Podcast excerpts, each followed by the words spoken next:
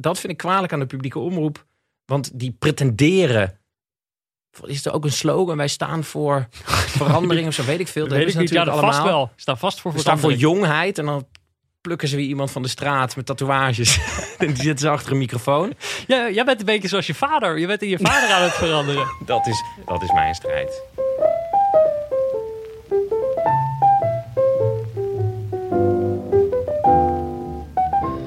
Hi, mijn naam is Pepijn Schoneveld en dit is de podcast Pep Talk met Pepijn Schoneveld, want ik ben Pepijn Schoneveld en dit is dus de podcast Pep Talk.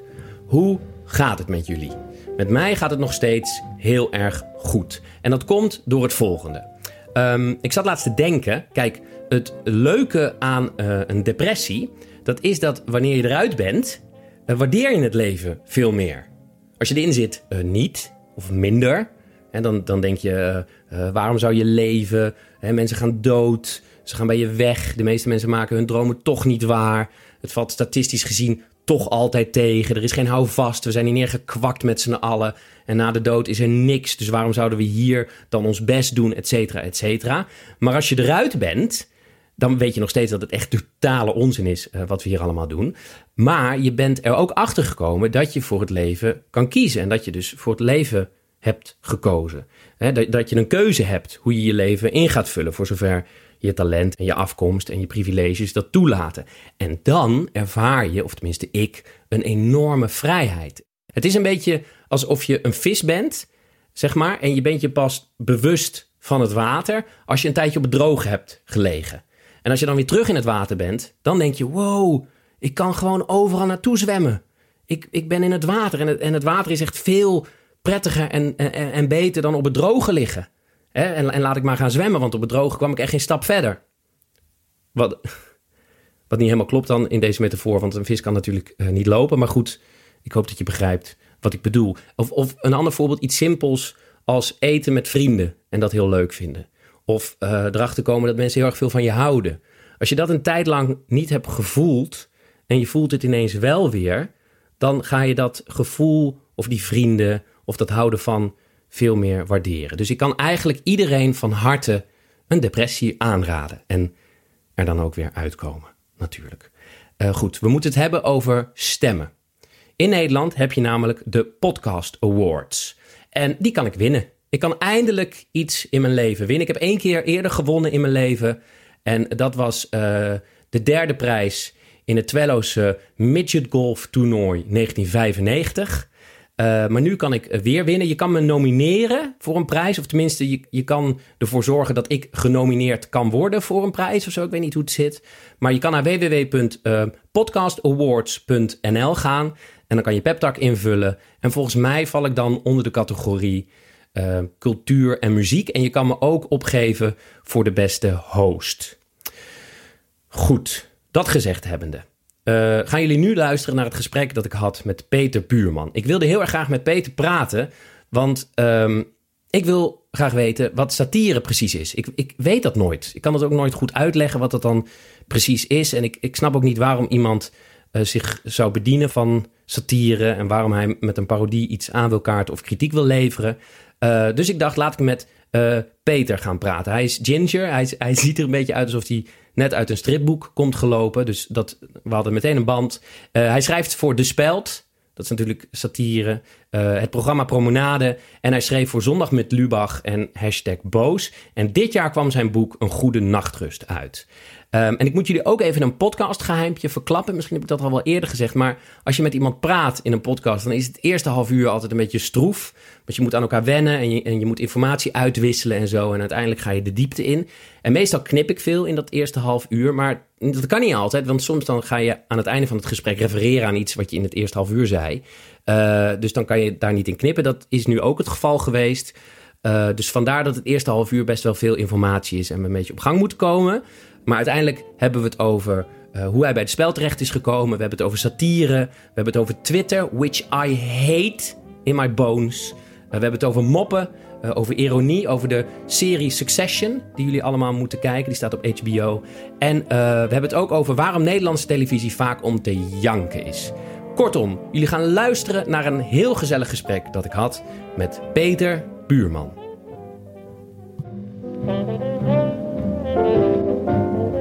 Het leuke om met mensen, te, met wetenschappers te praten, is dat ze verstand van dingen hebben. Ja.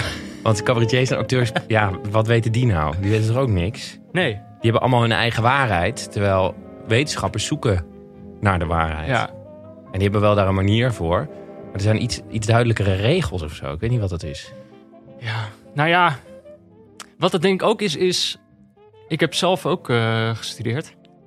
Ja. Eh, vijf jaar. En ook Ja. echt een onderzoeksmaster. Dus het was toen ook wel het idee Wat dat was het? ik... Neder- nee, Nederlands of cult? Nederlands, ja. Nederlands, Nederlandse ja. taal, cultuur. En toen Oh ja, dat was het. de onderzoeksmaster die ik heb gedaan was eh, Nederlandse literatuur. Maar ja, er was ook het idee dat ik misschien wel in de wetenschap zou blijven. Voor zover daar kansen zijn in de geesteswetenschap om dat überhaupt te doen. Mhm. Maar in principe werd ik opgeleid om te gaan promoveren. Maar ik kwam er al tijdens die onderzoeksmaster achter dat ik, dat ik onderzoek doen, daar gewoon niet, eh, dat dat niet echt in mijn aard zit of zo. Dus dat ik vaak gewoon, kost, ik moet me er altijd toe zetten om ergens in te verdiepen. Terwijl ik denk, de, de echt goede wetenschappers is dat gewoon een natuur. Dat je Die vinden dat altijd- leuk. Ja, altijd iets doorgronden. Terwijl ik wil vaak gewoon een soort gut reaction. En dan, eh, ja, of er iets grappigs over zeggen of gewoon zeggen wat me verbaast. Maar het echt doorgronden, dat zit niet echt in Daar mij. had je geen zin in ook. Nou ja, of, Het kost of, energie. Ja, of in ieder geval de, de, de academische manier van dingen doorgronden vond ik, dat, dat du- duurde mij gewoon wel echt te, te lang. Het was heel st- streng. Ik heb ook een paar momenten gehad tijdens die master dat, eh, ja, dat ik een beetje een soort tik op de vingers kreeg omdat ik, het, omdat ik een opdracht te vrij had opgevat. En dacht ik, ja, Oh ja. dan, moet dan moet ik misschien wel helemaal niet hier zijn. Maar omdat er meer regels zijn waar je je aan moet houden. Ja, en, ja. Eh, en dan bedoel, het speelt ook mee dat je gewoon natuurlijk nog student bent en dat zo'n docent ook gewoon wil dat je de opdrachten. En dat is een bek dicht moet houden. Nou, dat is op zich. Ik studeerde aan de UVA en dat is gewoon, daar werden we echt wel aangemoedigd. Daar maak je echt samen een college. Dus dan Ja. ben je gewoon. De bedoeling is wel dat je meedoet, anders dan is het best wel saai. En die master was eh, in Amsterdam en in Utrecht. Mhm. En eh, ik kwam als eh, UvA-student aan de Universiteit van Utrecht. En ik dacht, ja, ik mag nu gewoon het eh, terugpraten deze docent. Ik Ja. mag gewoon eh, mijn eigen ideeën hierop loslaten. En dan werd was veel schoolser in Utrecht. Die keken hey, af en toe echt zo aan van, wat, wat doe jij nou? Ja. Kun je even dimmen? Ik probeer een verhaal te, te houden. En die, ik had ook altijd En wat zei je dan? Wat ging je dan zeggen? Je ging met hem in gesprek. Nee, ik dacht dan, ik, ik had toen al, maar dat is ook het stomme, of het stomme. In de eerste week van die onderzoeksmaster werd ook voor het eerst mijn eh, eerste stukje op de speld geplaatst. Ja. Toen had ik eigenlijk meteen al het idee, oh ja, dat ga ik dan wel doen. En dan doe ik dit nog de komende twee jaar Ja. om mezelf wat tijd te verschaffen. En dat, ik, dat het lijkt alsof ik wel echt iets aan het doen ben. En dan daarnaast probeer ik dat wat ik bij de speld aan het doen ben. En hoe kwam je Uitwerken. bij de speld? Want dat bestond al. Ja, stond al best wel lang. En toen had je zelf iets had je zelf zo'n kop gemaakt. Of een, Ja, een artikel. Zo dat toen nog, volgens mij, dat staat er nu niet meer. Dus toen stond er gewoon, ja, als je iets wilde insturen, dan kon het naar redactie.spel.nl. En ik, ik, ja, ik had geen idee wat voor, wat voor site dat was, wat erachter zat, maar ik stuurde gewoon, eh, Wat was het? Weet je nog wat de grap was? ja, ehm, nou, nee, heel veel dingen opgestuurd die nooit geplaatst zijn, ook geen reactie op gehad. Ja. Maar de eerste die geplaatst werd was eh vat vol wijsheden aangespoeld. En Ja. dat was dan een, een kort artikel over een strandjutter. Die had een eh, vat vol wijsheden gevonden op het strand. Dat was aangespoeld. En ehm, in principe moet je volgens de wet, alles wat je op het strand vindt, moet je een deel afstaan aan de gemeente. Ja. En eh, die man, die strandjutter, die werd daarover geïnterviewd, maar die gaf alleen antwoord in een soort algemene wijsheden. Wat hij, wat hij uit dat vat had gehaald. Ja, dus eh, de, de hel, dat zijn de anderen. Dat soort dingen antwoordde hij dan alleen maar. Maar dat was wel, eh, ik kan me wel herinneren, toen ik dat bedacht, wist ik wel meteen, oh, dit, dit. Dit is veel leuker. Nou, oh ja, het is veel leuker dan studeren, maar ik wist ook, deze gaan ze wel plaatsen. Oh, zo. Dat gevoel had ik op een of andere manier. wel. En wat was het? Wat is het? ehm, je had het net over gut feeling. De, bij, bij de wetenschap moest je moeite doen. Moest je te veel nadenken en te hard werken. Terwijl bij het schrijven Ja, nou, misschien is het zo'n eigenlijk... stukje, dat Ja. ging je makkelijk af dan. Nou, ik denk misschien wat het ook is, is... Kijk, de wetenschap wil uiteindelijk ook... Of niet, ja, het is een heel algemene uitspraak, maar ze willen eigenlijk ook wel antwoorden. Ja. Dus proces zat altijd zo in elkaar dat je, je begon met een onderzoeksvraag en dan ging je daarna wekenlang aan de slag om daar zo goed mogelijk, uitgebreide mogelijk antwoord op te geven. Mhm. Terwijl ik vond eigenlijk het leukste vond ik die vraag. Dus dan de eerste week was best wel leuk. Dan kon je bedenken van wat is interessant om te onderzoeken. Maar ja, dan moest ik die zeven weken daarop, moest ik dat ook echt gaan doen. En dat vond ik altijd... Dan Ja, ik altijd, ja, ik was dan alweer bezig met nieuwe eh, vragen. Vragen. En dus ik heb, ja, ik vond eigenlijk denk ik die vragen stellen veel interessanter dan het antwoord eh, erop geven. Eh, ook omdat het is soms ook een beetje doen alsof. Zeker als je, als je nog een student bent en later zullen wetenschappers daar vast ook nog wel last van hebben. Dat je het soms ook, je geeft het vorm alsof je een antwoord geeft. Terwijl zelf weet je ook wel van ja, dit is het ook niet helemaal. Nee. En die vragen stellen, dat, deed je dat wel in zo'n stukje? Is dat, eh, vind je dat dat wel vragen stellen is? Ja, nou, Of- ik, vaak is iets gewoon. Kijk, een grap is gewoon. Het is niet alsof ik er heel lang over na zit te denken dat ik hem dan bedacht heb. Dus ik heb hem eerst bedacht. En dan soms daarna kun je nog wel bedenken van, oh ja, het is grappig omdat dit Ja. of dit of zo. Maar dat, eh, Komt zo'n grap ineens? Moet je daarvoor werken? nee. Dit kwam echt, dit, dus dit stukje dat ik beschreef, dat was gewoon echt ineens. En dat was ook heel lang dat ik dacht, dit is gewoon hoe het moet. Dus ik moet gewoon zorgen dat ik eh, een beetje ontspannen ben en lekker in mijn vel zit. En dan de momenten herkennen als ik, eh, als ik, een, als ik een leuke grap bedenk. Ja. Ehm, maar ik kwam bij de speld en, en later bij ander werk kwam ik ook wel achter van...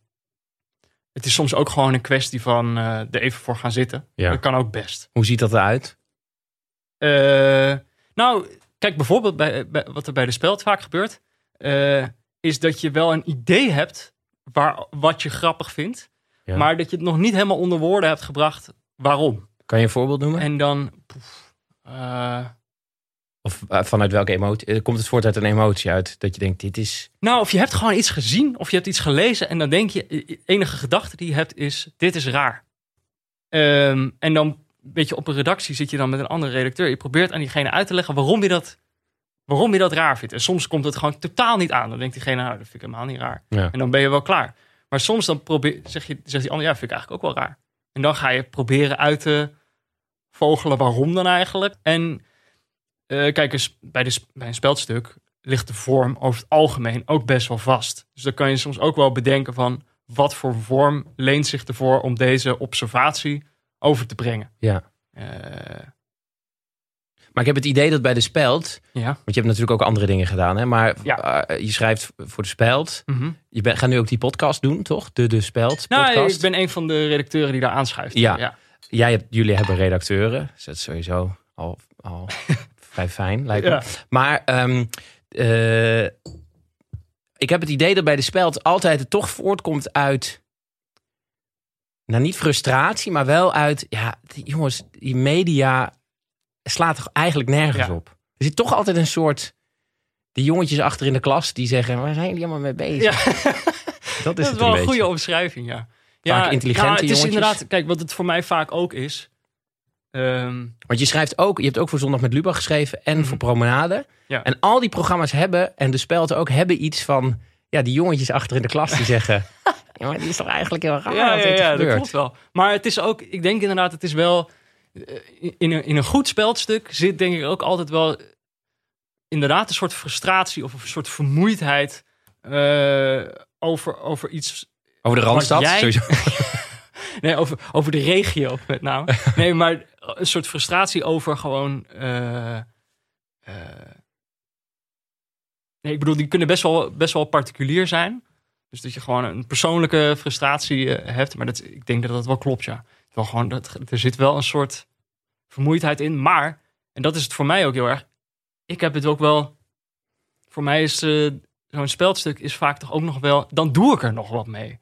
Weet je wel, dus ik kan heel erg gefrustreerd zijn over Ja. allemaal dingen. En dan denk ik van, wat zijn we allemaal aan het doen? Ja, ja, ja. Maar dit, ik kan daar ook niet zo goed tegen als ik de hele dag zo doe. Dus het is ook, ook denk ik een beetje mijn reflex om dan maar er wel een grap van te maken. Ik sprak laatst de, de dochter van een, eh, een, eh, een vrij bekend, vrij grote ehm cabaretier, maar ook iemand die altijd veel kritiek op de, op, op de maatschappij heeft. Mhm, En eh, zijn dochter, die, die sprak ik en die zei, ja, ik heb, die, die heeft diezelfde woede. mhm. als haar vader. En die zei ook, ja, mijn vader kan tenminste nog iets met die woede. Ik moet nog vorm geven aan... Ik, ik moet nog iets vinden om mijn woede en om mijn ongenoegen en om, mijn, om dat kwijt te kunnen. Is dat voor jou ook? Dat, dat, dat het schrijven voor de speld of voor al die programma's ook jouw manier is om eh ja, je woede vorm te geven? voor een deel wel. Maar ik bedoel, dit is- klinkt ook als een actiever proces dan het in werkelijkheid is. Het gaat gewoon ook wel vanzelf. Dus het is ook wel hoe ik in elkaar zit, Ja. denk ik, om het op die manier te doen. Maar dat komt uit de frustratie. Maar er zit ook een soort verwondering in. Maar dat is. Ja, het is voor mij dus ook wel een manier om er dan dus wel iets grappigs van te maken. Of om het op een bepaalde manier vorm te geven. Omdat- Wat, hoe zou je zijn als je dat niet kon doen? Stel je voor, je mag niet schrijven voor de speld en voor, voor, voor Nou. promenade. Wat, wat, wat voor iemand word je dan? Nou, kijk, waar ik, waar ik bijvoorbeeld, wat ik gewoon echt niet wil doen, is wat heel, nou ja, heel veel, wat, wat veel mensen nu doen op Twitter bijvoorbeeld, is constant eh, heel letterlijk zeggen wat Ja. je vindt. Ja, ik zag jij zit op Twitter. Waarom?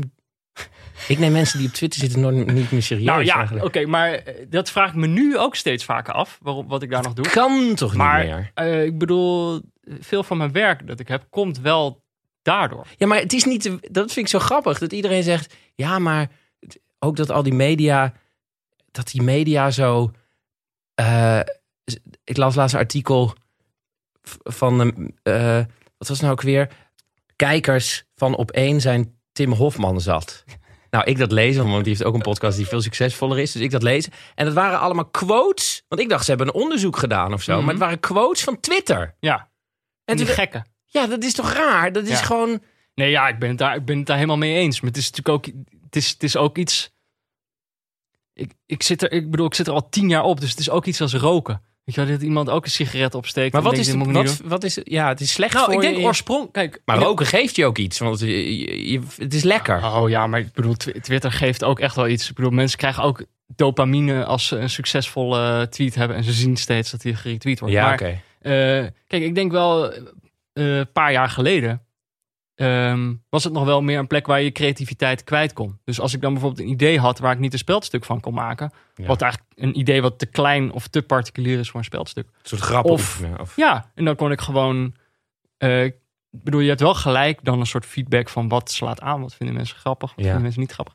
Maar eh, ik denk wel gewoon dat het de afgelopen jaren heb ik het gevoel, of het is gewoon wat ik, wat ik zelf steeds vervelender vind, is ik vind het dus ook vervelend dat mensen tijd letterlijk hele tijd zeggen wat ze onge- ongenoegen laten zien en vertellen ja, waar ze... dat, dat ook. Maar dat, dat mag van mij allemaal wel. Maar ik snap gewoon niet waarom je, de- ehm, waarom je jezelf de hele tijd zo zou kaderen om dan te zeggen: eh, Ik vind dit. Of waarom het überhaupt uitmaakt wat je, wat, je, wat je ergens van vindt. Dus dat is het ook vaak. Ik, ik frustreer me wel over dingen. Maar ik zou dan niet zo gauw hebben dat ik denk: Ik ga nou letterlijk op Twitter zetten wat, wat me frustreert. Nee, jij geeft de vorm aan. Dat, dat vind ik dan wel interessanter. Dan, maar ook omdat je jezelf dan ook een beetje op de proef stelt om te kijken van, je ben ik niet zelf ook een beetje een, een sukkel dat ik dit vind. En je gaat de vorm aan geven en zijn er regels voor? Weet, weet je wat je moet doen om de vorm aan te geven?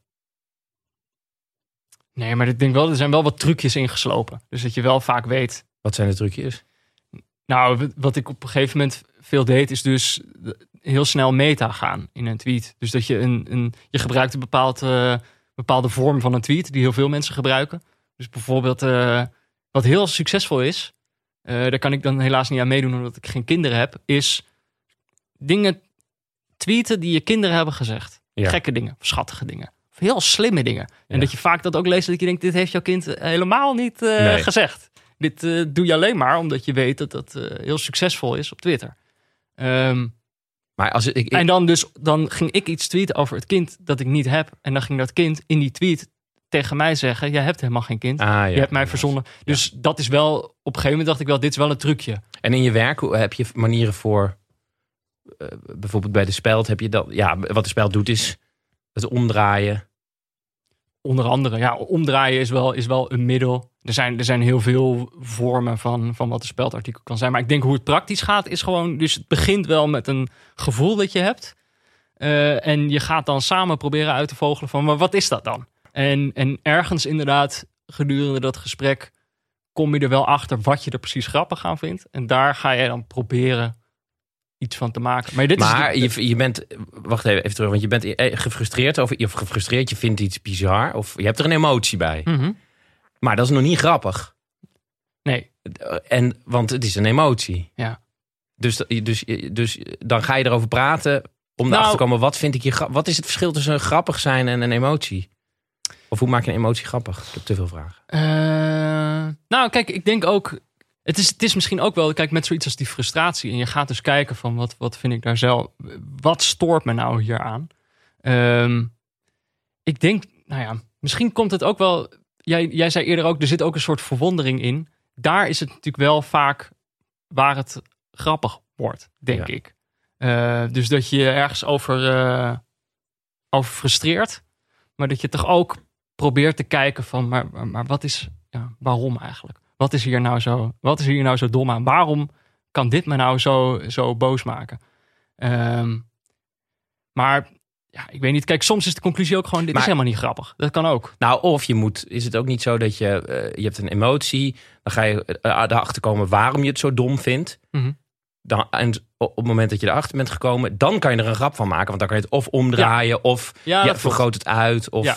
Terwijl het is, het- ik vind het ook dubbel. Het is inderdaad ook. Kijk, soms dan weet ik heel goed wat ik zou willen zeggen met een grap. En dan wordt het bijna nooit grappig. En het wordt wel grappig als ik. Ja, als ik, als ik ongeveer weet wat ik wil zeggen. Er dan een speldstukje van schrijf. En dat er dan in dat stukje dingen gebeuren. Dus er komen zinnen naast elkaar te staan die, die, die grappig contrasteren. Of je, je hebt een gekke uitspraak die je als schrijvende bedenkt Mhm. dan. Ik vind het vaak het grappigste als er dus uit zo'n stukje ook iets komt waarvan je denkt, ja, dit vond ik niet helemaal. Eh, dus dat het juist weer een beetje gaat, eh, dat er juist weer wat frictie komt in zo'n stukje. Ja. En dat je dan op die manier je, jezelf ook weer een beetje op de, op de proef stelt op, of op de hak neemt of zo. Dus dat je weer minder letterlijk aan het, je boodschap aan het overbrengen bent, maar meer aan het, eh, aan het experimenteren bent. Hoe je zo'n en soms, dat is natuurlijk ook, mensen begrijpen grappen soms verkeerd. Eh, of je, je hebt niet nagedacht over hoe iets geïnterpreteerd kon Het, worden. was, het is toch bij de speld ook wel eens gebeurd dat een nieuwsding echt, dat Ja. mensen het echt dachten. Dat ja, het- dat is zo'n cliché. Zo van, oh, mensen zijn erin getrapt. Maar dat Ja. is best wel lang geleden. Ik denk, inmiddels is het wel zo groot. En zitten er op alle redacties wel mensen die het heus wel ja, of kennen. de ironie is beter geworden. Dat zou ook kunnen. Ja. Nou ja, maar de tru- het was natuurlijk nooit het idee van... We, we, gaan, we gaan iets doen alsof het echt is. Nee. Het is nooit de bedoeling geweest om iemand in de maling te nemen. Maar het is wel zo dat je soms zo dicht op de werkelijkheid kunt zitten. Eh, en soms zit je een jaar te vroeg heel dicht op de werkelijkheid. Ja, inderdaad. Eh, dus zodat iets later opeens eh, waar blijkt wat een jaar geleden nog grappig was. Maar dat gebeurt wel, maar dat is natuurlijk niet, niet, niet de bedoeling. Nee. Denk ik, in ieder geval niet mijn bedoeling. Eh, maar ja, Wat is satire? dit was inderdaad van, te, van tevoren dat je steeds zei, ja, daar wil ik dan met jou over praten. Ja, nou ja, ik vind het altijd zo grappig. eh, ik weet nooit precies wat het is.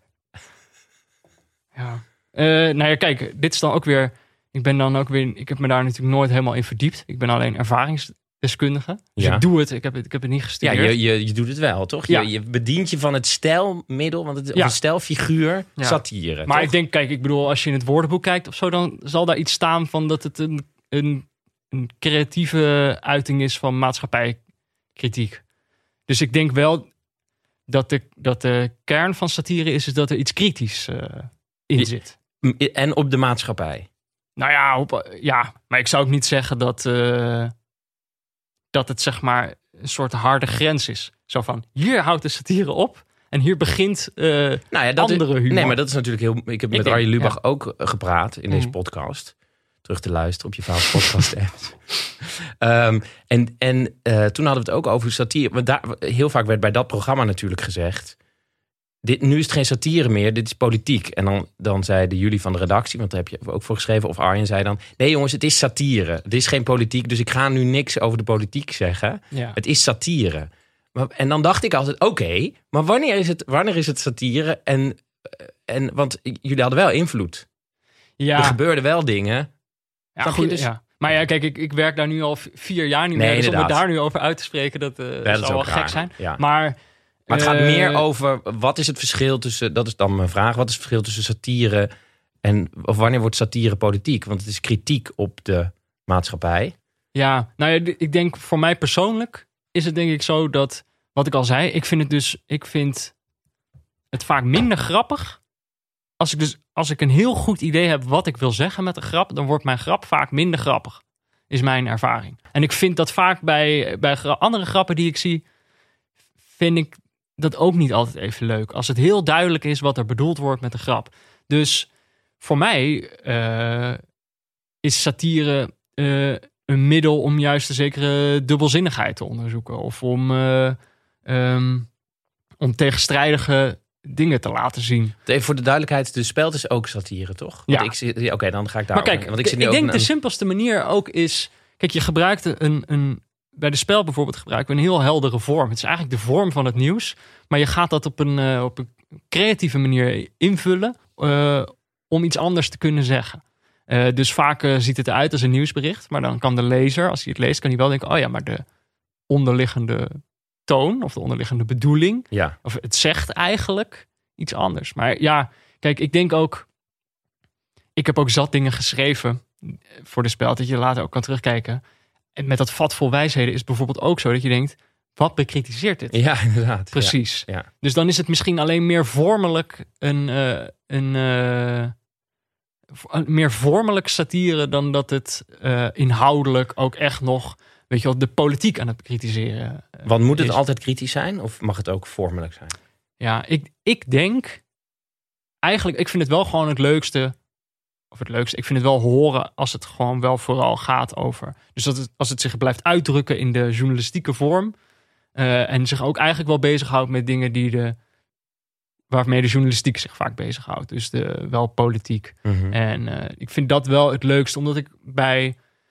En ik bedoel, ik heb zelf heel veel stukken geschreven die meer gaan over het menselijke. Of die gewoon echt meer ontstaan zijn uit het idee van ja, dit vind ik gewoon grappig. Ehm, maar ik denk niet dat dat de kern is van wat satire eh, zou moeten doen. Terwijl tegelijkertijd denk ik ook weer, ja, wat maakt dat nou uit? Weet je wel, het maakt ook niet zo heel veel uit wat ik vind wat satire zou moeten doen. Maar waar ik het voor gebruik is om, eh, om me dus gewoon om iets te kunnen zeggen zonder letterlijk te zeggen, eh, Dit vind ik stom. ja. Nou, ik vind de beste, ik vind het altijd het leukste als je, als je de frustratie voelt. Mhm.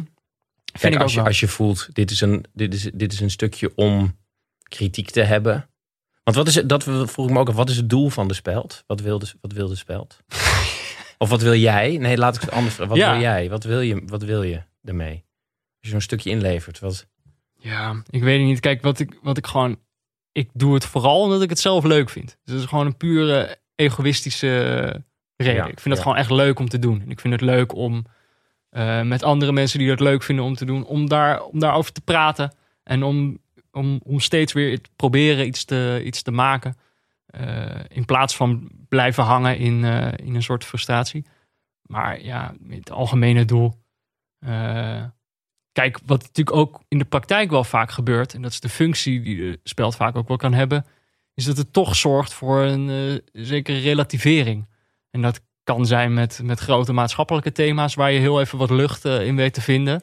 Eh, of waarmee je, dat zeggen mensen vaak ook vaak, eh, de, de spijker op de kop weet te slaan. Dus het geeft mensen ook een zekere verlichting. Ja, of gewoon dat iemand er om, om kan lachen. Of dat hij net eventjes denkt, zo Ja. ik er nog niet over nagedacht. Maar ik vind, het is niet alsof ik iedere dag opsta en denk, nou ga ik veranderen hoe de mensen hierover denken. Of dan ga ik de mensen weer wat, wat verlichting bieden in dit zware eh, leven. Zo is het helemaal Nee, niet. nee. Ik doe dat gewoon omdat ik het zelf leuk vind. En ervaar je wel een, want in het begin zei je al, ik, ik, ik ben gefrustreerd over iets of ik vraag me iets af of ik, ik snap iets. Heb je, eh, lucht het op? Als je dan, als je de vorm aan geeft? Oh ja, als het, als het lukt, zeker. Dan is het wel eventjes weg of zo. En dan, zeker als het dan ook eh, bij andere mensen een snaar weet te raken of zo. Dan denk je, oh ja, kijk, ik heb wel iets, eh, iets geraakt. Ja. Maar ehm, nee, ja, heel vaak ook niet. Weet je, wat, wat ik al zei, als, je, als, je, als ik echt ergens iets van vind, dan lukt het vaak ook niet echt om daar. Dus zeg maar, de, Dan is de emotie te groot. ja, of dan wil je te graag iets eenduidigs zeggen, waardoor het, waardoor het lastiger wordt om iets dubbelzinnigs eh, te vinden. Dat heb ik in ieder geval. Dus dat snap ik nog niet. Hoe bedoel, hoe kan je dat uitleggen? Nou, als ik dus heel duidelijk weet wat een, wat een grap uiteindelijk moet zijn, dat gaat ook een beetje in tegen wat een, een grap in de kern vaak eh, kan zijn. Dat het juist, zeg maar, dat je niet precies weet wat er bedoeld wordt. Ja. Daarom, ik bedoel, dan moet je vaak ook lachen, denk ik, door die Ja. spanning. Eh, of, of, nou ja, in het geval van de spel, denk ik, is, is het misschien niet zo vaak lachen, maar is het eerder zo dat je door je neus zo. Ja, inderdaad. Zo had ik er nog niet naar gekeken, dat, dat gevoel. Ja, maar. ehm. Het vraag, ik vraag me dan af of je, want ik herken dat ook wel, dat je zit met, dat je met, eh, dat je met, de, maar vaak wil je ook dat het, vera- dat, het- dat het verandert. Dus als je, als je denkt, dit vind ik belachelijk, waarom, eh, waarom is iedereen eh, hiermee bezig, terwijl volgens mij Ja. valt het wel mee en je maakt dan niets, dan wil je uiteindelijk ook dat Ja. mensen er dan minder Ja. mee bezig gaan nou, zijn. dan, zo, is, dan moet je niet satire gaan. Nee, gaan want daar gebeurt niks mee? Nee, dat denk ik niet, nee. Dus je doet het echt, dan doe je het toch voor jezelf. Nou, maar het is gewoon, kijk, het is omdat, omdat het dus juist, denk ik, eh, het, is, het is gewoon niet een heel effectief middel om, om, om een eenduidige boodschap over te brengen. Dus als je echt iets wil veranderen, dan moet je denk ik eh, activist worden of zo. Maar misschien is dat de kern van waarom ik nooit satire snap. Ik denk wel dat ik satire snap, maar ik vind het altijd zo grappig dat, dat satirici, Mhm. is dat een woord? Ja. Ja. Satirici altijd zeggen, is meervoud, hè? ja, Ja. eh, satirium, dat die zeggen, eh, Satiri. satirii, ehm, dat zij dus zeggen, ik heb frustratie, daar wil ik iets mee. Ik, ma- ik zoek er een vorm voor. Ik ga het doen. En het kan, wat je zegt, tweeledig zijn. Dus je kan de, de twee de, de gepolariseerde tegenstanders, die help je Mhm. eigenlijk. Eh, je doet het in de openbaarheid. En vervolgens zeg je, ja nee, maar het is maar satire. Ik wil, er, ik wil Ja. niks ermee veranderen. Dat vind ik altijd het rare aan satire. Ja, ja, maar ik denk, je moet dat denk ik ook niet zo zwart-wit bekijken. dat, bedoel, zeggen vaak, dat zeggen vaak mensen tegen mij. Maar jij hebt ook, Vooral tijdens de Black Lives Matter. Jij hebt ook op het, op het podium gestaan. En eh, jij, jij hebt ook eh, heel veel dingen gezegd die dan misschien niet in de kern dat je die bedacht hebt als dit is een soort satirische uitlating. Maar ik denk wel dat heel veel grappen Nee, maar dat komt hebben omdat- wel een satirische lading. Ja, nee, maar het komt. eh, ik heb dat ook gedaan. En dan, dan wilde ik ook niet iets veranderen, of soms wel, of, of ook vormgeven. Maar omdat het, eh, eh, omdat het maatschappij kritisch is, denk ik altijd. Ja, maar stiekem wil je toch wel dat het verandert als je, als Ja. je satiricus Ja, bent. maar ja, het, is, het kan ook een soort uiting zijn van machteloosheid of zo. En ik bedoel dat je ook uiteindelijk is het ook, je, je, je vindt misschien ook mensen die, het, die, die dezelfde frustratie voelen. En ik bedoel, dat is Ik soms vind het heel ook al fijn. genoeg. Ik vind het heel fijn soms als ik van de Speld een artikel zie en denk, oh wat fijn dat er wordt even de andere kant wordt belicht. Of de, nee, vaak wat ik te prettig aan vind is, ik, ik word even weer bewust van hoe ridicuul, ridicuul iets is. ja, Dat vind ik vaak prettig. ja, maar dat is voor mij persoonlijk dus denk ik ook. Dus als ik in mijn frustratie zit, dan besef ik dat nog niet. Dus zit ik zo, dit is zo stom. Ja, Of, eh, ah, ik, eh.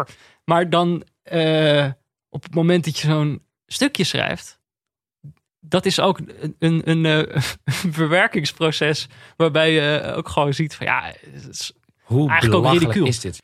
En zijn er dingen waar je, zijn er dingen waar je je, of waar de speld, of waar jij je, want je haalt vaak de, eigenlijk haal je de angel eruit of je laat zien hoe ridicuul iets is. Eh, zijn er dingen waar je je niet aan waagt? ik, ik kan me nog herinneren dat. Kijk, het is natuurlijk ook. Heel veel mensen hebben het gevoel van: ik moet zeggen wat ik van vind. Want anders dan twijfelen mensen daarover of zo. Terwijl ik weet nog dat toen. Je had het moment dat een. eh, was die advocaat was doodgeschoten in het, eh, rondom Taghi. En dan herinner ik me Oh, wel ja. dat ik 's ochtends op de fiets naar de speld zat. En bijvoorbeeld op Twitter en online heel veel mensen eh, wilden zeggen hoe verschrikkelijk ze dat vonden. Dirk Wiersum was dat trouwens, die advocaat. Heel veel mensen wilden zeggen hoe, hoe erg ze dat vonden. En ik zat toen op de fiets en ik merkte ook dat het me, dat het me geschokt had. Eh, maar dat ik op dat moment op de fiets ook dacht van ja, maar dat is, dat is het ook eigenlijk wel. Zeg maar, ik hoef, het Nee. heeft me al geschokt. Ja. Ik hoef niet te zeggen dat het me geschokt heeft.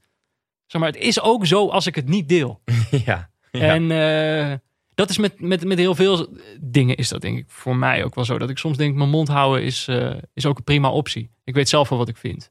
En wanneer, wanneer ehm, dat, die vraag wordt mij tenminste vaak gesteld. Wat is het verschil tussen eh, dat wanneer relativeert een grap en wanneer bagatelliseert hij een grap? Ja, weet ik niet. Ik denk inderdaad, eh, dat is ook weer een beetje in the eye of the beholder. Dus sommige mensen zullen zeggen, ja nou, bagatelliseer je een probleem. En dat zijn mensen die, die vinden, ja dit probleem verdient serieuze aandacht. Ja, Ehm, maar er zullen ook mensen zijn die, die al hun hele leven serieuze aandacht aan het onderwerp geven. En die op dat moment dan denken, hè, eindelijk wat, even, ja. even wat lucht. Ja, dat is eigenlijk ook weer zo. Maar ja, dat is zo zitten. Ik bedoel, ik denk ook niet dat iedereen gemaakt is om, eh, om satire leuk te vinden. Dus voor sommige mensen is dat denk ik ook gewoon... eh, of überhaupt om grappen. Sommige mensen vinden dat gewoon niet leuk. Nee. Die hebben gewoon meer behoefte aan eenduidigheid. Ik denk gewoon, wat, wat zit je nou... Nou, het is nu natuurlijk Wat bedoel je nou? Zeg gewoon wat je bedoelt. Aan de ene kant lijkt het me een hele moeilijke tijd voor een satiricus. En aan de andere kant heel makkelijk. Want stelling innemen is nu wel echt een modetrend. Ja. Ik had het hier over Dat is met wel echt in een, de eh, mode. Want je moet wel... eh, je moet iets te zeggen hebben. Ja, nou, ik had hierover met een ehm, met de speldcollega, ook eh, Jan van Tienen. Ging over dat filmpje van Baudet, heb je dat gezien? Dat hij dan, hij zegt iets over de anderhalve meter en dan loopt hij zo die beachstand in en dan geeft hij meteen iemand die daar binnen staat een hand. Heb je dit Ja. filmpje voorbij zien? Nee, heb ik niet gezien. Ik zit niet op Twitter. En, eh ach, Pepijn, bless you. ik dacht al, dat ziet die jongen Ja. er goed uit. Dat is gewoon daardoor. Maar In mijn lichaam bouwt zich niet een ziekte op. je hebt geen gif. Je laat je niet dagelijks in met gif. Zeker niet. Ehm, maar ik had daarover met een speldcollega, omdat heel veel reacties op dat filmpje eh, zijn verontwaardigd. Voor kijk nou, deze hypocriete man. Hij zegt in één moment, zegt hij nog, eh, zegt hij nog iets over de anderhalf meter. Volgende moment geeft hij iemand een hand. Terwijl, als je zelf dat filmpje kijkt, mijn idee is gewoon, dit doet hij expres. Nou ja, Dit doet hij gewoon expres, omdat hij gewoon, wil provoceren. ja, hij wil gewoon jullie Omdat hij provoceren. door Rusland betaald wordt. Om ons te provoceren, Om om ons uit provoceren. elkaar te spelen. Ja. Nou, en en het lukt hem dus in dit geval. Maar waarom, waarom ik daar nu over begin, is dat. Eh, het schokt mij dan eigenlijk wel. Dus ik denk dat mensen niet zien dat dat waarschijnlijk een grapje is. Of dat hij op zijn minst, weet je wel, misschien doet hij niet helemaal bewust. eh, weet je wel, neemt hij ons niet bewust beet, maar is het wel een soort gewoonte van hem geworden om dat te doen, om, eh, om te provoceren. Maar dat mensen dat dus niet zien. Er wordt nu bijvoorbeeld dan heel vaak gezegd, het is een moeilijke tijd voor satire, want mensen als Trump, ja, dat is al Dat zo is raar. satire op zich. Dat is al Ja. zo raar, hoe moet je daar Ja. nog een grap over maken? Maar ik denk, het is, het is ook een moeilijke tijd voor satire, omdat eh, mensen zo direct reageren, men, dingen zo letterlijk nemen, dat de lezers soms ook niet zien wat de grap is en wat niet. Dus dan denk ik, het is ook een slechte, voor, eh, slechte tijd voor satire door al die mensen Ja. die dus gewoon vanuit hun eh, eerste instinct reageren. En niet heel even een stap terug doen en denken: oh, maar wacht even, zou die dit niet expres kunnen doen? En dat is echt twee dagen geleden had, had ik het daarover. En toen dacht ik: oh ja, dat is misschien een. eh, dat is misschien leuk als ik dat ga zeggen in de podcast. eh. En nu heb je het gezegd. Ja, nou, Ja. we kwamen er wel eh, organisch op. Anders was ik het ook weer vergeten. Maar jij vindt het dus iets, iets kwalijks dat dat... Of het is jammer voor de satire dat mensen alles letterlijk nemen. En bijna woedend al kijken. Dat is Nou, volgens ja. mij ook, toch? Het is denk ik ook gewoon, ja. En ook gewoon. Kijk, iedereen is vooringenomen. Ik bedoel, niemand is neutraal. Maar eh, het, het gaat wel tegen elkaar in. Dus op het moment dat je iets vanuit vooringenomenheid eh, bekijkt, dan kan je het ook nog maar op één manier zien. Mhm. En eh, dat is natuurlijk met het, met het interpreteren van grappen. Is dat ook zo? Ik bedoel, je interpreteert het meteen op je eigen manier. En ik bedoel, dat, dat mag allemaal wel. Maar ik denk wel dat de lol erin zit om die dubbelzinnigheid Ja. te zien. Dus dat je denkt, oh ja, maar dit- bevestigt mijn punt. Maar het laat ook zien dat ik een beetje een wijsneus ben. Of het laat ook zien dat ik een ontzettende aansteller ben. Ja. Eh, en dat, kijk, en ik vind ook, je, we moeten ook niet doen alsof, eh, alsof, alsof Twitter dan een soort, dat is ook een groot probleem, dat we steeds doen alsof dat het discours is. Alsof Dat, is het niet gesprek het, dat is niet de werkelijkheid, Twitter. Nee, Maar dat is het hele probleem nu, toch? Dat is, het is niet de werkelijkheid. Nee. Het is niet... nee, en je hebt dus wel allerlei eh, Behalve als journalisten en talkshow-directeuren. Wat? Nee. Wat zei je? Ik maakte een grap. Oh. Ik zei behalve als het om in Tim Hofman gaat, dan is het wel de Oh, werkelijkheid. dan is het nee, Maar maar ehm, dat talkshow-redacteuren eh, en eh, journalisten het wel zien als, oh, dit is het gesprek. Nou, dan moeten we dit ook Ja. bij op één aan tafel. Moeten we dan ook deze twee gestoorde meningen tegenover elkaar zetten? Ja. Eh, dus in die zin is het ook weer wel de werkelijkheid. Omdat het... eh, Nou, volgens mij is het. Ik, denk, ik, zie, ik kijk er altijd zo naar. Volgens mij denkt iedereen wat mensen op Twitter schrijven. Alleen is de wereld er echt beter aan toe als die dingen niet vast worden gelegd. Dus ik kijk ook zo tv. Ik zit ook de vooravond te kijken en heb meteen een mening. En alleen wat ik doe als gezond mens, ik neem dan even afstand en dan denk ik twee minuten later, jezus. Ja. Mijn vader bijvoorbeeld, die was, die was vroeger zo iemand, die, dan keek je het nieuws en dan had iemand een kort, kort truitje aan. En dan, en dan, ik dacht dan, jezus wat een kort truitje. Mijn vader zei het altijd meteen. Kort En dat- truitje. Kort, oh ja, of bijvoorbeeld iemand praatte raar en dan... Ja, iedereen voelt in die kamer, dit is een, dit is een raar accent. En mijn vader was dan, jezus, wat klinkt die... Nou, hij is Twitter. En die moet gewoon af en toe zijn bek... En gelukkig is die dood. Maar... Oh, jezus. nee, nee, nee. Ik zat net te lachen. Ja, nee, dat is... Godzijdank nee, niet. Maar ehm, je hoeft niet alles te zeggen wat je denkt. Ja. Dat is volgens mij het probleem met Twitter.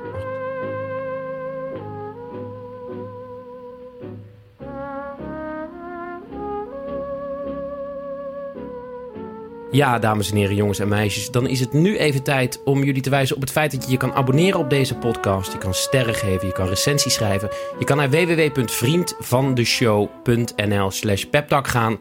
Daar kan je monies droppen en je kan de show notes van deze aflevering lezen. En dan wil ik het ook nog even hebben over de sponsor van deze podcast, namelijk coach Maarten Gulix. Eh, in deze aflevering praten Peter en ik veel over kleine en grote frustraties die wij hebben. En eh, Maarten vertelde mij dat mensen altijd gefrustreerd worden als dingen anders lopen dan ze zouden willen. En dat kunnen kleine dingen zijn, als je dag loopt anders dan je zou willen. Of grote dingen, eh, je moet een show afzeggen vanwege corona. En Maarten zei dat op zo'n moment een mens altijd in een reflex schiet. En die reflex die vindt plaats in drie stappen. Ten eerste ga je kijken naar het verleden of hoe je zou willen dat het idealiter zou lopen. Eh, dus stel je voor je show wordt afgezegd. eh, dan kan je denken, oh dit is al de zoveelste keer sinds de uitbraak... dat wij niet serieus worden genomen. Terwijl mensen zitten gewoon in vliegtuigen en de theaters lopen gewoon leeg. Dit kan niet zo. Eh, ten tweede ga je naar de ik, hij, zij situatie. En dat gaat over schuld. Dus je geeft Rutte de schuld of het coronavirus of, of jezelf of het leven. En ten derde komt de frustratie in je op. En dan ga je vaak op zoek naar korte termijn oplossingen.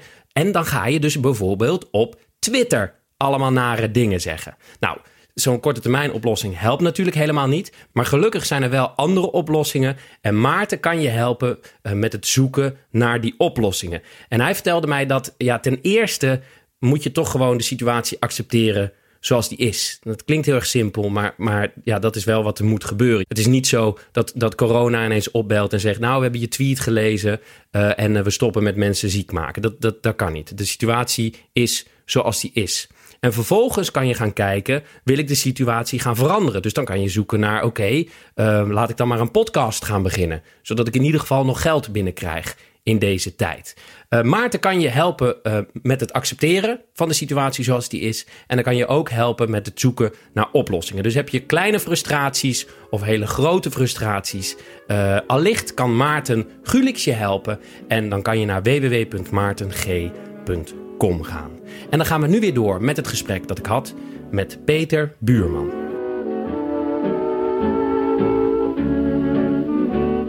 Heb jij ooit geprobeerd zelf moppen te bedenken? Nooit. En dat ga ik ook nooit. Nee, een mop is, vind ik altijd. Ik, vind- eh, ja. Dat, wat vind ik daar eigenlijk van? Een, Is eigenlijk hetzelfde ook. dus- een, een, een goede cabaretier hoort te zeggen: Ik haat moppen, want dat zeggen ze allemaal. Mhm. Ik weet, mijn mening is daar ondubbelzinnig over. Mhm. Ik weet het niet. Ik, eh, Ik vind, het leuk, ik vind het leuk als kinderen een mop vertellen, Ja, want dat kunnen ze dan niet. Dat Ja. vind ik grappig. Daar moet ik harder vaak om lachen dan om dat ze beginnen met de Ja. clue en dat je denkt: Ah, maar dit is ook, oké, dit Dat is ook weer een ander probleem. Ehm, kijk, eh, eh, satire, daar gaat vaak toch wel denkwerk in zitten. Ja. Dus je gaat toch nadenken, wat, wat willen we precies zeggen? Of welk verhaal wil ik precies, of wat betekent dit precies? Wat bekritiseer ik precies? Terwijl wat ik gewoon vaak, het aller, waar ik het hardste om lach, is bijvoorbeeld als, je die aflevering van The Office? Dat dan, eh, hoe heet hij? Kevin of zo, die heeft een hele grote pan chili ja. gemaakt voor het hele kantoor. Ja. En je hoort hem in voice-over, hoor je hem dan vertellen hoe hij die hele chili heeft gemaakt. Hij zegt, ja, ik heb het voor het hele kantoor gemaakt. Ze zullen zo, weet je wel, ik heb zelf die pepers geroosterd. Ik heb zelf dat. En hij legt helemaal uit. Ondertussen zie je hem echt met een enorme pan die trap oplopen. En hij heeft dat ding al zo onhandig in zijn Ja. handen. En dan komt hij op een gegeven moment het kantoor binnen en dan valt die pan valt gaan uit zijn handen en dan gewoon enorm veel chili ja. stroomt eruit. En dan gaat hij, hij pakt dan uiteindelijk een soort multomap en probeert hij die chili weer terug in die pan te vegen. En dan denk ik, ja, Dat vind ik gewoon het allergrappigste. Ja, Of eh, bij Jiske Vet, dan speelt eh, Kees Prins, die speelt een soort showman. En die met een hele lange showtrap. Er zit allemaal zo publiek zit al te klappen. En dan bij de eerste treden of zo verstapt hij zich. En dan moet hij nog die hele trap af met die lach van... Hey, hey, ja, hey. ja. ja. Dat vind ik gewoon, dat vind ik het allergrappigste. Terwijl, da- dat is geen denkwerk. Dat is gewoon een, eh, dat is gewoon Kees Prins die heel grappig is. Of bij de Office iemand die gewoon, die denkt, ja, het is heel grappig als hij een enorme pan. Ja, maar dat komt natuurlijk omdat er geen denk... Ook voor de luisteraar, dus ook voor jou, hoeft er geen denkwerk aan Ja, maar het is ook iets fysieks of zo. Nou ja, omdat het vrij duidelijk is meteen. Het is meteen, het is meteen helder. Ja. is, het is meteen, als, je, als, je, als ik iets van de speld lees... al moet ik een vier milliseconden even denken... is dit nieuws of niet? Ja. Dan heb je al geen fysieke reactie meer, denk Nee. ik. Nou, kijk, ik denk misschien met de showtrap, daar zou je nog, dat zou je bijna nog in tekst kunnen vangen.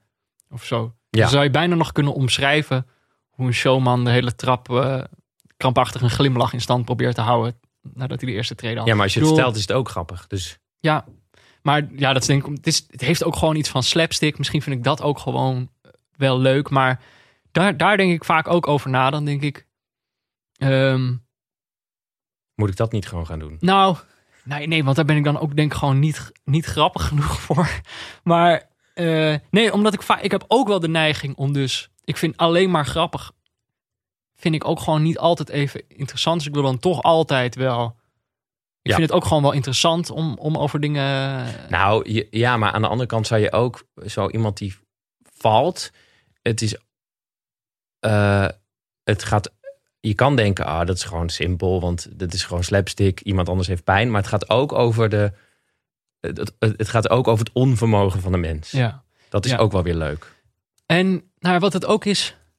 ehm, kijk, ik, ik zie mezelf ook niet als een. eh, als echt een klassieke satiricus. Ik denk een klassieke satiricus is iemand die. Eh, die zich veel meer engageert met eh, politiek, maatschappelijke onderwerpen. Die daar veel meer van weet dan ik. Die eh, zich daar op veel intelligentere manieren over kan uitspreken dan ik die ook allemaal politiek geëngageerde stukken schrijft. Dat zie ik meer als de klassieke satiricus. Zo, Ja. zo ben ik. Ik heb gewoon heel veel stukken geschreven die meer gaan over een soort menselijke verwondering.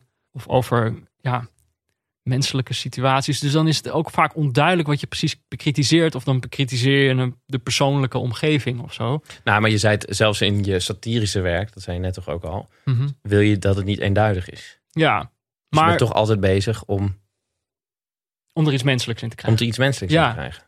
Ja, dat is, dat, is, dat is ook echt wel zo. Maar ik denk daardoor dus ook eh, dat waar ik naar op zoek ben, ook niet altijd per se. Kijk, ik vind die dubbelzinnigheid van satire fijn. Maar waar ik naar op zoek ben, hoeft ook niet altijd eh, die vorm te hebben, bijvoorbeeld. Dus ik heb ook een, een, een boek geschreven wat niet een satirisch boek is. Is geen moppenboek of zo. Het is wel echt meer. Ik heb wel geprobeerd een verhaal te vertellen. En ik denk op het moment dat je echt interesseert in de personages over wie je schrijft, dan wordt dat vaak vanzelf, nou vanzelf, dan wordt dat grappig. Als je echt een beetje, eh, als je echt geïnteresseerd bent. Heb je de serie Succession gezien bijvoorbeeld? Ik ben hem voor de tweede keer aan het kijken. Ik ga straks weer. Ik dacht niet te- terwijl je aan het praten was, maar hiervoor dacht ik, oh, straks lekker Ja. naar Succession kijken. Ja, het heeft wel iets. het beste ooit, Ja. toch? ja, maar dat heeft dat iets. gewoon- Er zit echt wel een heel dikke laag satire zit daar ook wel in. Maar het er zit ook iets in van deze mensen zijn dit niet gaan schrijven met van we gaan een comedy maken met zoveel mogelijk grappen erin. Nee, dat is. Ik had toevallig van de week een gesprek met een Nederlandse ehm eh, scenario schrijver. Mhm. En die zei, en dat vond ik heel goed, die zei: het grote probleem met Nederlandse series is. Er wordt nooit. Kijk, bij toneel. Als je een toneelstuk gaat doen, wordt er van tevoren gezegd. En ook als je een cabaretshow maakt, denk ik. En nou, dat was volgens mij mijn eerste vraag, omdat ik daarin getraind ben. Wat, waarom doen we dit? Ja. Daarom vroeg ik ook aan jou van wat wil de speld? Waarom maken we dit? Ja. Bij een voorstelling wordt altijd die vraag gesteld. Bij een cabaretshow ga je uiteindelijk ga je, eh, want anders red je het niet anderhalf uur. Bij Nederlandse tv-series gebeurt, hij zei dat, gebeurt dat nooit. Het is nooit dat producenten en schrijvers om de tafel zitten en zeggen: Jongens, waarom maken wij dit eigenlijk? wat willen we? Nou, dan zeggen mensen: Ja, we hebben geld. We hebben gewoon geld. Daarom gaan we dit maken. Ja, Ja. oké, maar wat willen we hiermee zeggen? Nou ja, gewoon een misdaad. Maar waarom misdaad? Dan hadden we net zo goed een comedy kunnen doen. Die vraag wordt nooit gesteld. Waarom vertel ik dit? nou, Ehm, we hadden het over Succession. ja, en bij Succession voel je dat is één grote eh, engagement tegen de 1% allerrijkste, toch? Dat, dat zit Ja, in die hele serie zit de het wordt- decadentie en Ja. de... Maar het wordt ook echt grappig omdat ze wel echt die mensen mensen maken. Dus het zijn niet, het zijn, het zijn in zekere zin wel karikaturen van die 1%. Maar Ja. ze, ze, Ja, ze, maken ze... wel, ze laten het wel echt mensen zijn. Even voor de luisteraar, het gaat om een eh, Murdoch-achtige vader, vader met vier kinderen. Ja. En die hele serie gaat er eigenlijk over dat die, die kinderen willen eigenlijk allemaal... Wie gaat de vader opvolgen, toch? Dat is een beetje... van het grote media. Het gro- En dat is echt een miljardenbedrijf. Ja. Maar uiteindelijk gaat het niet over die miljarden. Het gaat gewoon over, dat is toch wat je zegt, over menselijkheid. Het gaat gewoon over kinderen die gezien willen worden door hun vader. Ja, ja maar dus ook, ik, ik bedoel, ik heb het hardst gelachen om, om scènes uit, uit die serie. Terwijl het geen comedy-serie is. Ik bedoel, en, tuurlijk, het is niet alsof ze niet grappig willen zijn. Maar Ja, je ziet het falen van de, je ziet iemand constant, je ziet iemand eh, metaforisch van een trap afvallen. Maar je hebt bijvoorbeeld, oké, tijd. een van de personages, Cousin Greg. Hij wordt geïntroduceerd. Ja, ik, is dit een spoiler? Als ik de eerste scène waarin hij komt... eh, Eh, even, wat is die scène? Want nou ja, eh, ik bedoel, het is ook al drie jaar geleden. Maar in ieder geval, hij, hij, Oh ja, ja. hij is in een pretpark. Is hij, zit hij in een mascottepak. ja, En je hebt, je hebt al een beetje door van... Oh ja, dit is, dit is een beetje een sullige, onhandige jongen. Je hebt hem vlak daarvoor ook zien blowen... voordat hij Ja. in het eh mascottepak gaat. En... eh, terwijl hij in het mascottepak zit, zitten allemaal kinderen aan hem te sjorren. Die zitten allemaal Ja. te douwen. En hij- je ziet hem in die helm van het pak, zie je hem al helemaal misselijk worden. Het ziet er heel grappig uit, want mascottes waarmee geshort wordt, is, is eigenlijk altijd wel ja. grappig. De kinderen gaan tegen hem aantrappen en Ja, zo. en eh, tot het punt dat hij gewoon dus, ja, hij heeft het warm en hij eh, is misselijk. en dat hij dan moet overgeven. Uit de ogen. En dan komt die kots komt uit de ogen van die mascotte. In diezelfde aflevering nog zegt hij, ja, dit wil ik niet meer doen. Ik wil gewoon, kan, kan ik niet bij mijn oom gaan werken in wat, die bedrijf? grote, wat die grote baas is. Hè? Precies, Ja. de, de grote mediabaas. En dan zie je hem dus daarna, de hele tijd zie je hem gewoon in een, in een strak pak daar over de verdiepingen lopen. En hij krijgt gelijk een, een redelijke functie, omdat hij toch familie is. ja. Maar elke keer als je hem ziet, moet je denken aan die ene scène dat hij uit zijn ogen, eh, als mascotte uit zijn ogen aan het kotsen is. Denk, het is. Ze hebben niet bedacht van wat is het grappigste wat we kunnen bedenken of zo. Maar het is wel, het is, het is grappig en het is ook woestmakend dat zo'n idioot, zo'n sukkel uiteindelijk toch op die. ik word eh, helemaal gek van. Ik kan, hem, ik kan niet tegen hem. Ik vind hem verschrikkelijk. Omdat hij alleen Ja. maar ongemakkelijk is. Maar Ja. wel... Het gaat allemaal van een leien dakje of zo. Mhm. hij wordt, eh, maar wat is, wat is dan... eh, wat, wat probeer je te zeggen? Nou, kijk, op het moment dat je, eh, als je, als je gewoon echt alleen maar denkt, wil ik comedy maken. Je, dan kom je uit bij Friends. ja. Dan denk je gewoon, waarom bestaat Friends? Ja, toch eigenlijk vooral wel omdat er, dat, ik bedoel, ze hebben zelfs een lachband. Om Ja. je te laten weten van dit is om te lachen. Ja. Dit is echt, op dit moment ook, eigenlijk moet je lachen dan, want eh, hier zit de lachband. Maar ik denk dat het vaak gewoon echt veel grappiger, dat, zeg maar, je kunt gewoon ook een verhaal vertellen, waarvan het doel niet is, we maken een comedy. Maar ik denk wel, als je echt engageert met die mensen, of die personages over wie je schrijft, dat het dan vanzelf grappig wordt, omdat mensen in de kern ook gewoon. Wat jij zegt, een kind die een mop probeert te vertellen en dat het lukt niet, dat is grappiger dan die mop zelf. Ja. Dus om- Omdat om- je ook, de, je ziet ook, de, je ziet, eh, wat ik net zei, de, de, het falen van de mensen. ja, gewoon onhandigheid Ja. van zo'n kind of zo. Maar ik denk dat is, dat is grappiger. Dus je kan een, eh, vind ik dan, hè? Ja, Dus dat ik soms ook denk van, ik vind Friends veel, veel minder grappig dan Succession. ja. Dus ik vind het daarom ook lastig om te bedenken, weet je wel, ben, ben ik dan eh, grappenmaker? Nou, in het, begin, in het begin zei je wel, eh, het moet gewoon grappig zijn. ja, maar dat is, dat is dus wel een soort, dat is een doel. In die struggle zit je nu. Nou, nee, weet ik niet. Nee, omdat ik bedoel, ik ben nog steeds, eh, wat ik al zei, ik ben ook gewoon een clowntje. Dus ik wil ook gewoon wel dat, dat mensen wel lachen. En ik heb ook wel het gevoel dat dat, eh, Ja. dat ik, daar, dat ik daar beter in ben dan in heel veel andere dingen. Maar maar, ik, ik denk dat de schrijvers van Succession ook wel bezig zijn met wat grappig is. Die acteurs ook. ja, maar je, ja, je ziet ze ook expres. Ja. Heb je die scène dat hij zo tegen een lamp, dat hij zo in dat huis is van die, van die baas. En dan loopt hij een beetje rond. Zit ook in de eerste, tweede aflevering. En dan slaat hij tegen een, tegen een kunstwerk aan. Nou, en je ziet gewoon, en dat valt dan. En dan probeert hij heel onhandig weer neer te zetten. ja. Het is een heel duur huis. En toen ik dat zag, dacht ik, ja, dit is gewoon de acteur die heeft Mhm. gezegd: Jongens, is het niet leuk als ik hier tegenaan. Je ziet ook dat hij precies zo timed dat het ding valt en zo. Dus die zijn natuurlijk ook wel bezig met waar. Ja, maar er is niemand die zal zeggen: heb je de comedy-serie Succession al gezien? Snap je? Dus het- kijk, ik denk ook gewoon: ik haak af als het verhaal niet interessant genoeg is. Dus het gaat mij uiteindelijk toch ook niet alleen maar om hoe grappig is iets. Ik wil toch dat iemand wel iets aan het vertellen is. En ik denk dat daar ook uiteindelijk, in die zin ben ik dan denk ik wel weer een satiricus, omdat ik toch wel altijd wil dat iemand moet wel, precies wat jij zegt, iemand moet zichzelf wel de vraag stellen: waarom vertel ik dit? Ja. Waarom eh, ben ik dit aan het doen? En dat is, denk ik bij Friends is dat antwoord minder interessant, voor mij in ieder geval, dan eh, bij een serie als Succession. Omdat zij gewoon wel echt een verhaal willen vertellen. En ook wel echt geven om de mensen over wie ze schrijft. Het zijn niet alleen maar een soort. Ik, het is niet zo, een soort middel dat ze weet van op deze moet iedereen. Nee, en aan de andere kant, ze willen ook niks bereiken. Het is ook niet dat ze willen dat de 1% eh allerrijkste maar dit is- eh, ik bedoel- al, geld in geleverd. Nee, maar daar zijn ze dus ook niet mee. Ze zijn echt bezig met het verhaal vertellen Ja. van... Heb jij ook het tegenovergestelde? Ik kan nooit zo goed tegen. Ik zag laatst weer een voorstelling van eh, Ita. Eh, het, het, het toneelgroep Amsterdam, zeg maar. En da, daar, zit, daar zat niet zoveel humor in. Nee. En na een uur denk ik toch, ja, boeien. ja, ik kan ook niet zo heel goed tegen ernst. Nee. Maar, Maar- wat- sommige mensen kunnen dat, vinden dat heel prettig. En ik denk gewoon na een uur, ja, eh, ja het is denk ik het is hetzelfde. allemaal heel naar voor je. Maar het is minder sp- spannend vaak, omdat het duidelijk is wat je aan het doen bent. Zo. En, eh, maar ik bedoel, ik heb die voorstelling niet gezien, dus ik kan da- daar specifiek niks over zeggen. Maar ehm, zeg maar op het moment dat het heel duidelijk is welke toon je probeert te zetten of welke akkoorden je probeert Mhm. eh, te spelen, ja, dan, dan is de spanning voor mij ook weg. hoe Dus het bedoel is- je als het heel duidelijk is? Nou, eh, je kan erop vertrouwen dat die mensen eh, serieus dat, dat verhaal proberen over te brengen. En ze gaan niet opeens uit die vorm breken. Ze gaan niet opeens, eh, weet je wel, kijken niet opeens het publiek in. Kijken ze één specifieke persoon aan, gaan ze tegen diegene praten. Ze zeggen, ja, wat zijn we eigenlijk ook aan het doen?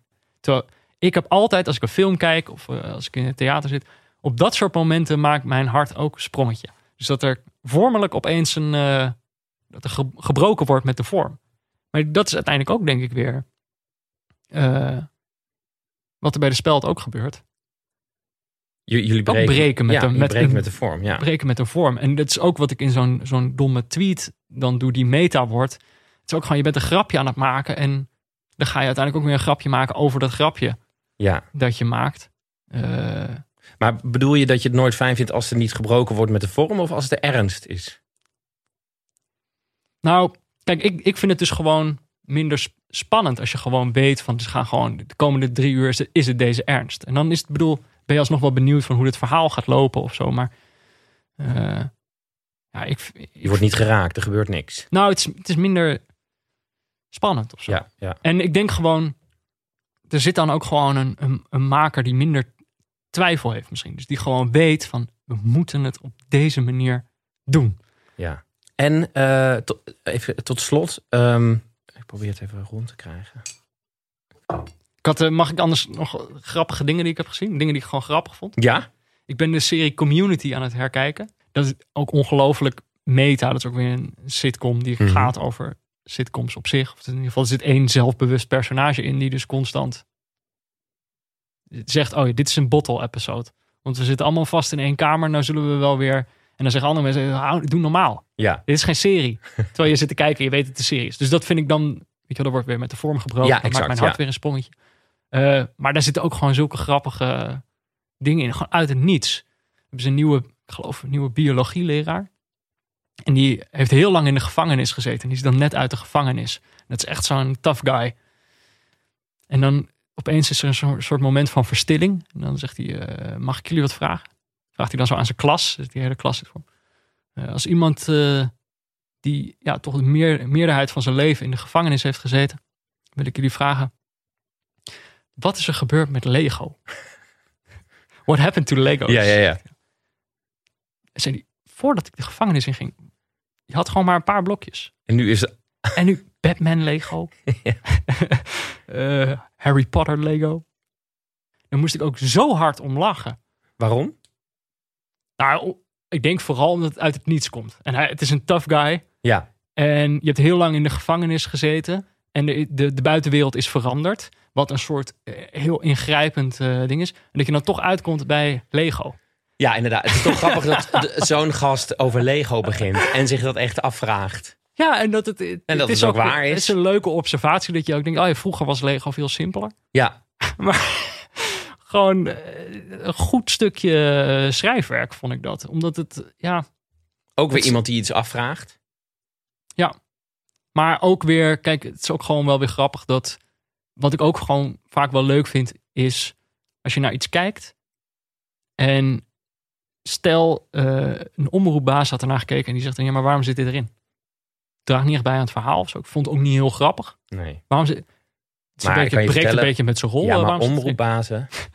Maar dat zijn wel de mensen die heel veel dingen bepalen. En dat zijn ook de mensen die constant eh, willen doen wat ze al kennen. Die zeggen, nee, nee, maar dat kan niet. Want zo doen we dat nooit. Weet je wel, een talkshow moet altijd op deze Dat manier is gaan. toch Want het verhaal van, eh, van ehm, eh, Monty Python. Dat, die, dat is zo goed geworden omdat, de, eh, omdat zij kwamen daar en ze hadden een idee voor een, voor een show. Mhm. En toen heeft die omroepbaas bij de BBC gezegd, maak maar. Ja. Gaan jullie maar. En dat John Cleese had gezegd, mensen met stropdassen en pakken aan... eh, die, die, die, kunnen niet, die zijn niet creatief, want die, die kunnen alleen maar denken in wat er al is. Ja, Terwijl wa- wat het goede, goede was aan die omroepbaas is dat hij heeft gezegd: gaan jullie maar doen en dan word je creatief. ja. Maar ik denk dat dat eh, weinig gebeurt. Maar dat vind ik dus en dat leuk. durven die omroepbazen natuurlijk niet, want ze weten niet wat ze krijgen. Ja, ik vind dat zo. Als je dus iets ziet waarvan je onmiddellijk voelt, ja, dit heeft... Iemand heeft gezegd, dit moet je niet doen. En ze hebben het toch gedaan. Ja, ja. Dat vind ik altijd gewoon echt wel leuk. Maar het is ook weer dat breken met de met Is dat, eh, want eh, je schrijft ook voor Promenade, nu toch? Mhm. Die, doen, die zijn dat toch ook de hele tijd aan het doen? Breken met de, de, de ridiculiteit laten zien van al die praatprogramma's. Ja. Nou ja, kijk, ik vind het ook. Ik, mo- ik moet niet het programma gaan zitten duiden waar ik zelf eh, ook, Nee, ook aan meewerk. Nee. dat wordt ook niet heel interessant. En dat kunnen andere mensen die daar ook voor schrijven waarschijnlijk veel beter dan, eh, dan ik. Maar je schrijft vanuit. Of, eh, vanuit wat gebeurt hier allemaal, toch? Dat is vanuit waar je. Nou ja, het is gewoon, je gaat soms, eh, zit je tv te kijken en soms kan je gewoon niet geloven dat het echt is. Nu het SBS-programma Dit Vindt Nederland, wat al, ik bedoel, het gaat eigenlijk al fout bij de titel. niet wat vindt Nederland, maar dit vindt Nederland. En dat is gewoon, er staan vier mensen om een desk, één presentator. En dan rammen ze er gewoon wat stellingen doorheen. Echt eh, een breed scala aan stellingen. Van eh, alle illegale moeten het land uit tot... eh, Terwijl het idee is heel mooi, toch? Laten we praten. ja, een mooi idee? Het Ja, maar mooi dan, idee? doe dat dan. Maar niet, het hoeft toch niet nee, op tv? Maar, ja, maar dat gaat dus mis bij die omroepbazen. Daar gaat het dus mis. Ik denk, laten we praten. Maar dan uiteindelijk praten ze allemaal door elkaar heen. Ze hebben vijf minuten per stelling of zo. En dan gaan ze met iemand praten uit het land. Die komt dan zo op zo'n scherm daarachter. En vervolgens heeft, komt er weer een andere gast in beeld. Die heeft gepeild wat het land eh, vindt. Ja. En dan wordt gezegd, ja nee, eh, Nederland is toch eh, verdeeld. Of Nederland eh, geeft jullie ongelijk. Want ze zijn het eh, eens met het afschaffen van lachgas. Maar het is gewoon zo'n talkshow helemaal tot de kern gebracht. Allemaal ondeskundige mensen die allemaal dingen vinden. Als ik dat kijk, dan denk, dan denk ik, ik kan gewoon niet geloven dat dit echt is. Ik kan daar, ik kan, ja, ik, ik, dat is inderdaad verwondering. Het is ook frustratie dat je denkt van, hoe is dit mogelijk dat dit bestaat? Zijn mensen nou echt gewoon, echt gewoon niet goed bij hun hoofd? Eh, Zijn er dingen die. Zijn er ook dingen Ja. waar, waar je geen kritiek. Zijn er ook programma's waar je, waarvan je denkt, nou, hier doen ze wel wat ze moeten doen.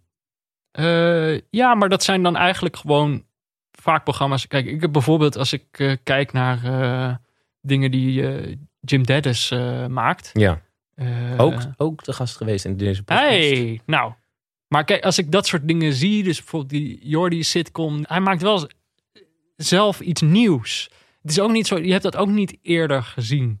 En dan denk ik, dit is, Maar het is toch wel. Ja, zeker, dat vind ik ook. ik vind eigenlijk alles, alles wat gemaakt wordt, eh, en, en wat eigenlijk een, een variatie is op wat er al bestond, dat mag voor mij bekritiseerd worden. Maar mensen die, die echt proberen iets nieuws te maken, die verdienen wat mij betreft altijd eh, de, de, de vrijheid om dat, eh, om dat in ieder geval een tijdje eh, te doen. Ja, ja. En dat, en dat gebeurt gewoon zo weinig. Je ziet het gewoon niet zoveel. Het is toch altijd wel weer. Je ziet altijd wel ideeën, dingen die al eerder zijn geprobeerd en die al. Het was een tijdje in Omroepland ook zo dat iedereen zei... wij, wij moeten ook een luizenmoeder. Worden, zullen we iets maken net als Ja, de luizenmoeder? Maar dat is ook zo. Terwijl je- dat gemaakt is, gewoon omdat ze iets wilden maken. Ja, maar dat is gewoon. Ik bedoel, je ziet uiteindelijk nog steeds allemaal programma's op tv waarvan je denkt: oh ja, hier was het idee ooit, we willen een soort luizenmoeder. Ja. En het is allemaal nooit, nooit zoals dat, omdat het enige wat je wil is dat nadoen. Je begint niet met een origineel idee. Nee.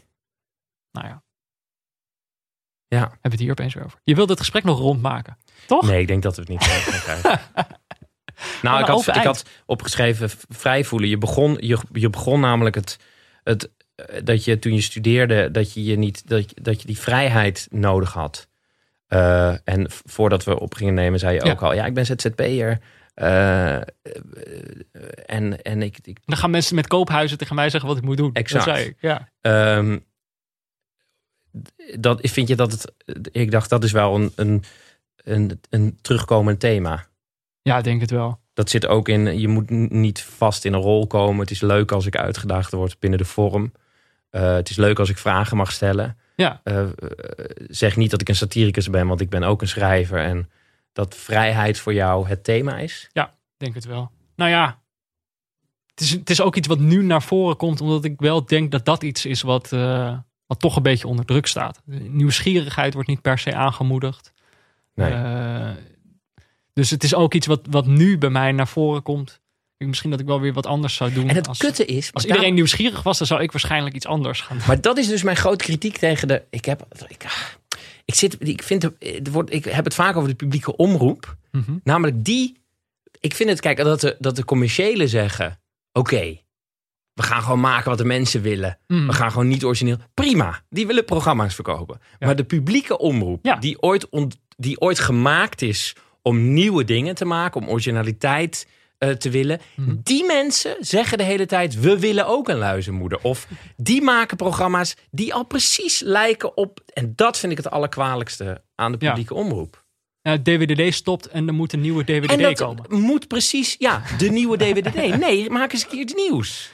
Ja, want DWDD bestond ook nog niet. Nee, en die zijn ook iets nieuws gaan maken toen, ze- toen ze ooit begonnen. Dus, Ja. dus ik vind dat zo'n raar ding.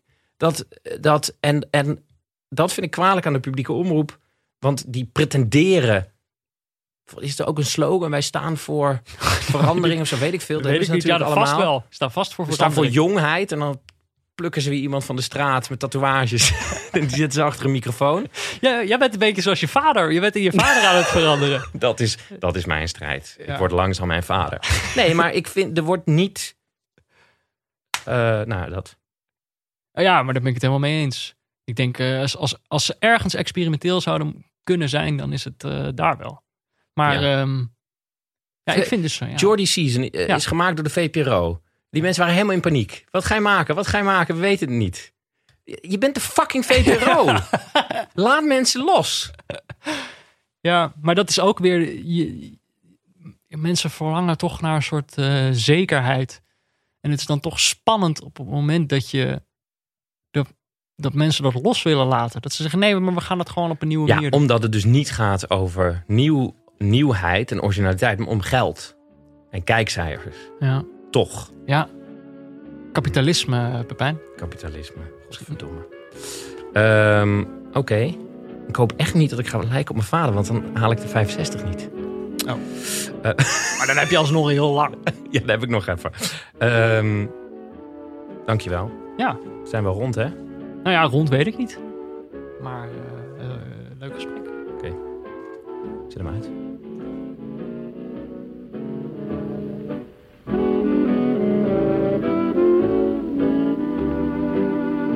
Ja, dames en heren, jongens en meisjes, dit was het gesprek dat ik had met Peter Buurman. Ik wilde nog even zeggen dat je kan eh, stemmen op deze podcast. Je kan naar www.podcastawards.nl gaan en dan kan je op mij of op deze podcast stemmen.